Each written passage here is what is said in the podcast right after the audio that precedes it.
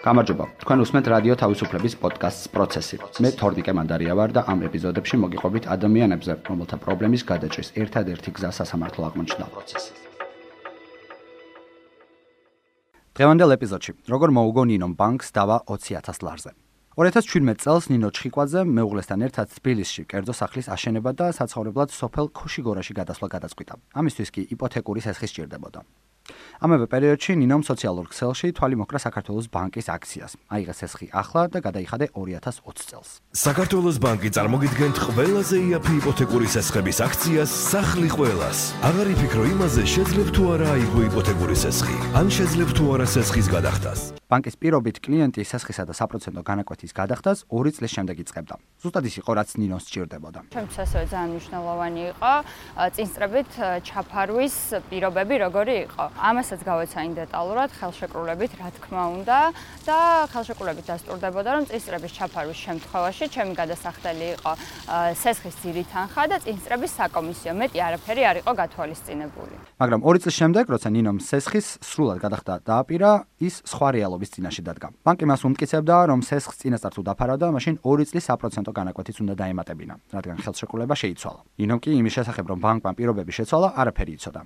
ნინო თვეების განმავლობაში მოითხოვდა ახსნა განმარტებას ბანკისგან, თუმცა პასუხად მხოლოდ ფორმალურ მეილებს იღებდა. თანხა რა თქმა უნდა მნიშვნელოვანი იყო და ვინ იტყვის ხარ 20000 ლარი არ არის მნიშვნელოვანი, მაგრამ თანხაზე მნიშვნელოვანი იყო ის, რომ მოტყუებულად უგრძნობდი თავს და აი ეს სიმართლე მინდოდა რომ დამემტკიცებინა. 32 წლის ნინო უძრავი ქონების კომპანიაში გაყიდვებს ხელმძღვანელობს. ამობს რომ ხშირად უწევს ხელშეკრულებებზე მუშაობა და ეს გამოცდილება არ წმოვდა იმაში რომ ბანკი მას არაკეთილსინდისიერად მოექცა. ეგ რო არ მქონოდა შეიძლება დაუნებებულიყავი. აი ძალიან დიდი შანსია რომ დაუნებებულიყავი, იმიტომ რომ ბანკის პოზიცია იმდენად ძლიერი იყო და იმდენად აი რაღაცა ძალიან დამაჯერებლად საუბრობდნენ ყველა კონტექსტში, რომ კი, ძალიან დიდი შანსი იყო რა. ალბათ ანუ ბევრი შემთხვევაც ყოფილა ეგეთი, როდესაც ადამიანები მართლები ყოფილან და უბრალოდ აი ამ რაღაცა ამხელა ორგანიზაციის წინაშე უბრალოდ დანებებულან და ეგონათ რომ კი ეგრეა. ან ამას წინაშე ვერაფერს ვერ გავხდები. თუმცა ნინო მიხვდა, რომ საკუთარი ძალებით პრობლემას ვერ აგვარებდა და იურიდიული დახმარების ძებნას შეუდგა.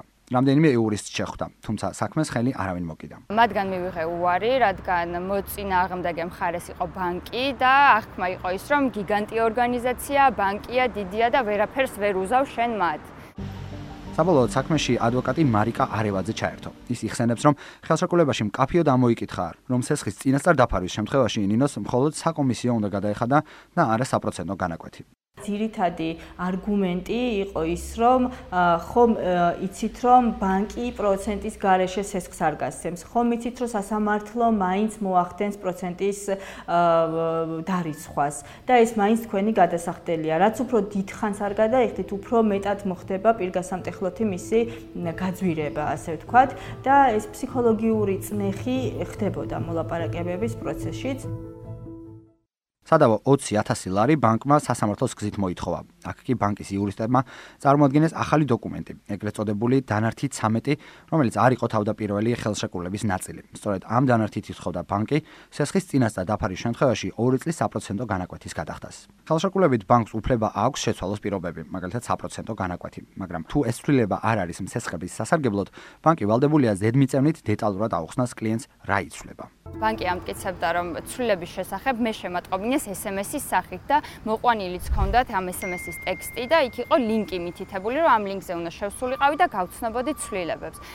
ეს SMS-ი მე არ მინახავს, ჩემ ტელეფონზე არ დაფიქსირებულა ეს SMS-ი, თუმცა მოსამართლემ აღნიშნა, რომ რომც დაფიქსირებულიყო ეს SMS-ი ჩემს ნომერზე და მე მინახა, ეს არ იყო, ეს არ არის საკმარისი იმისთვის, რომ ბანკმა ესეთი ცვლილებები შეიტანოს.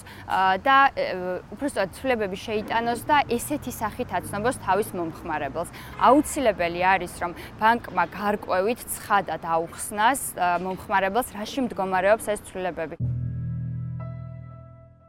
სასამართლომ არ დააკმაყოფილა ბანკის სარჩელი და სრულად გაამართლა ნინო. გადაწყვეტილება მოსამართლე თეონა ეპიტაშულმა მიიღო. ის თბილისის საქალაქო სასამართლოს მოსამართლეა 2020 წლიდან. გადაწყვეტილების თანახმად, მხარეთა შორის გაფორმებულ ხელშეკრულებას არ ქონია დანართი 13 და საერთოდ გაუგებარია ამ დოკუმენტის შექმნის თარიღი. მოსამართლე წერს, რომ ამ დოკუმენტში საუბარია 2018 წლამდე გაცემულ კრედიტებზე, რაც აჩენს ეჭვს, რომ სავარაუდოდ ის შექმნილია სწორედ 2018 წელს, ხოლო საკრედიტო ხელშეკრულება ნინო ჩხიკვაძესთან გაფორმებულია 2017 წელს, რაც ასევე ცხადყოფს, რომ ეს პირობები ვერ იქნებოდა ნინოსთან შეთანხმებული, თუნდაც მისი არარსებობის გამო. არ დამოუწყება 2022 წლის 15 აპრილი. აი სასწაული ემოცია იყო მართლა. აი ესეთი სიხარული არ უნდა გამოსცადო ალბათ, რომ მიხვდე რა არის. ძალიან ბედნიერი ვიყავი. ეს კონკრეტული საქმე მიუხედავად იმისა, რომ აქციის ფარგლებში გაცემულ სესხს ეხება და შეიძლება საშეღავათო პერიოდით ბევრი სესხი და კრედიტი არ გაიცემა, მაინც ფიქრობ, რომ გავრცელდება ბევრ ადამიანზე და ბევრ სესხებელზე და რატომ? იმიტომ რომ ამ გადაწყვეტილებებით, როგორც პირველის, ასევე აპელაციის გადაწყვეტილებით განმარტებულია რა შეუძლია და რა არ შეუძლია ბანკს ხელშეკრულებაში ცვლილების კუთხით. ამ საქმით ნინომ პრინციპში დაარღვია ის გაბატონებული მოსაზრება, რომ ბანკი ყოველთვის მართალიან ბანკს ვერ მოუგებ. მოცემულ შემთხვევაში ნინომ დაამტკიცა პირველ და მეორე ინსტანციის სასამართლოში, რომ სამართლიანობა და სახელშეკრულებო პირობები არის მნიშვნელოვანი და მას ვერანაირი ძლიერი მხარე ვერ გადაწონის. რადიო თავისუფლებისთვის მეილით გამოგზავნილ კომენტარში საქართველოს ბანკი წერს, რომ ნინო ჩხიკვაძის მოთხოვნა არც მხარეებს შორის გაფორმებულ ხელშეკრულების პირობებს შეესაბამება და არც კანონმდებლობასთანაა თანხვედრაში. დავა უზენაეს სასამართლოში გრძელდება. ჩემი გამოცდილება თუ იქნება თუნდაც ერთი ადამიანისთვის სტიმული რომ თავისი უფლებები დაიცვას მე ძალიან ბედნიერი ვიქნები ამით